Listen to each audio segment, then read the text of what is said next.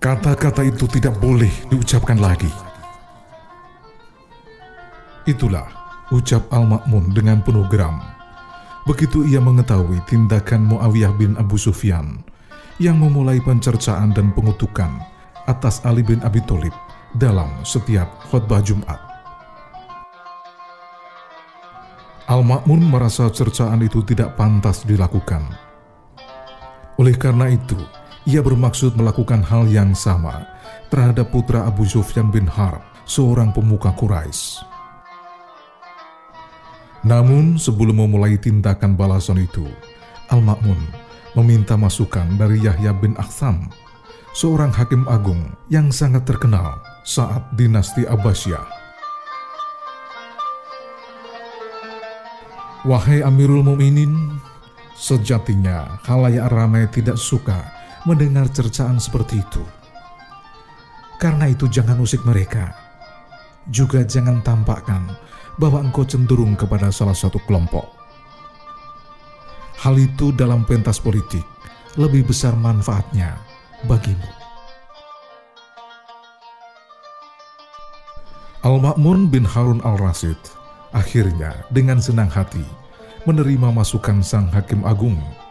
Ia setuju dengan pendapat itu. Karenanya, ia pun urung memerintahkan pencercaan dan pengutukan atas diri Muawiyah bin Abu Sufyan. Tak lama setelah itu, Al-Ma'mun menerima kunjungan Sumamah bin Al-Aghasi Al-Mutazili, seorang tokoh pemikiran liberal. Selepas berbagi sapa dengan sang tamu, sang khalifah meminta pendapatnya. Sumamah, barangkali engkau telah tahu tentang maksudku atas Muawiyah bin Abu Sufyan, juga tentang pandangan yang lebih tepat dalam mengelola pemerintahan dan memberikan kesan yang lebih langgeng dalam masyarakat. Al-Ma'mun kemudian menuturkan maksudnya dan masukan sang hakim agung. Mendengar penjelasan suami Buran bin Al-Hasan bin Sahal itu, Sumamah bin Al-Arasi kemudian mengatakan, Amirul Mukminin, apakah kedudukan khalayak ramai yang dikemukakan Yahya bin Aksam bagimu itu memang seperti itu? Demi Allah, dia menyerupakan mereka laksana hewan ternak, sehingga menjadikan jalan mereka lebih sesat. Allah Subhanahu wa Ta'ala berfirman dalam Surat Al-Furqan ayat 44. بسم الله الرحمن الرحيم أم تحسب أن أكثرهم يسمعون أو يعقلون إن هم إلا كالأنعام بل هم أضل سبيلا Dengan nama Allah yang Maha Pengasih, Maha Penyayang. Atau apakah engkau mengira bahwa kebanyakan mereka itu mendengar atau memahami? Mereka itu hanyalah seperti hewan ternak, bahkan lebih sesat jalannya.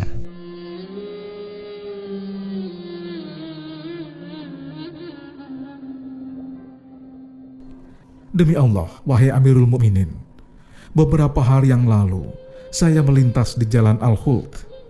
Di sana, saya melihat seorang menggelar kain. Lalu di atas kain itu diletakkan obat-obatan. Orang itu lalu berteriak, Ini obat untuk mata, mata yang memutih, lemah pilihan dan rabun. Sementara salah satu mata orang itu juling dan yang satunya lagi sakit. Namun ternyata orang-orang mengerumuni si penjual obat itu dan meminta agar mereka diperiksa matanya.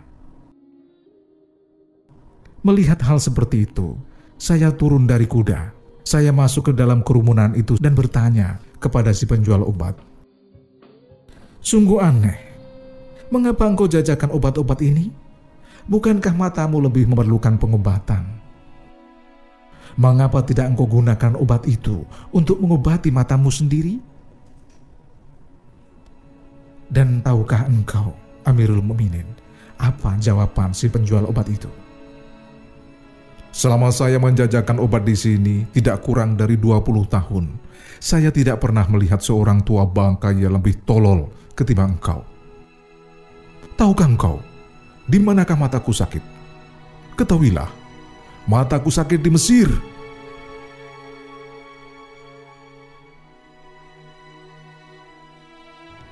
Kerumunan orang-orang itu kemudian menghampiri saya.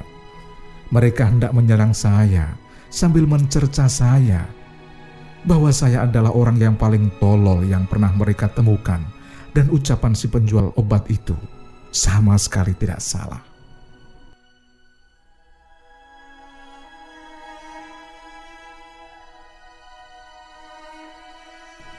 Saya lalu mengatakan kepada mereka, saya tidak tahu bahwa matanya sakit di Mesir.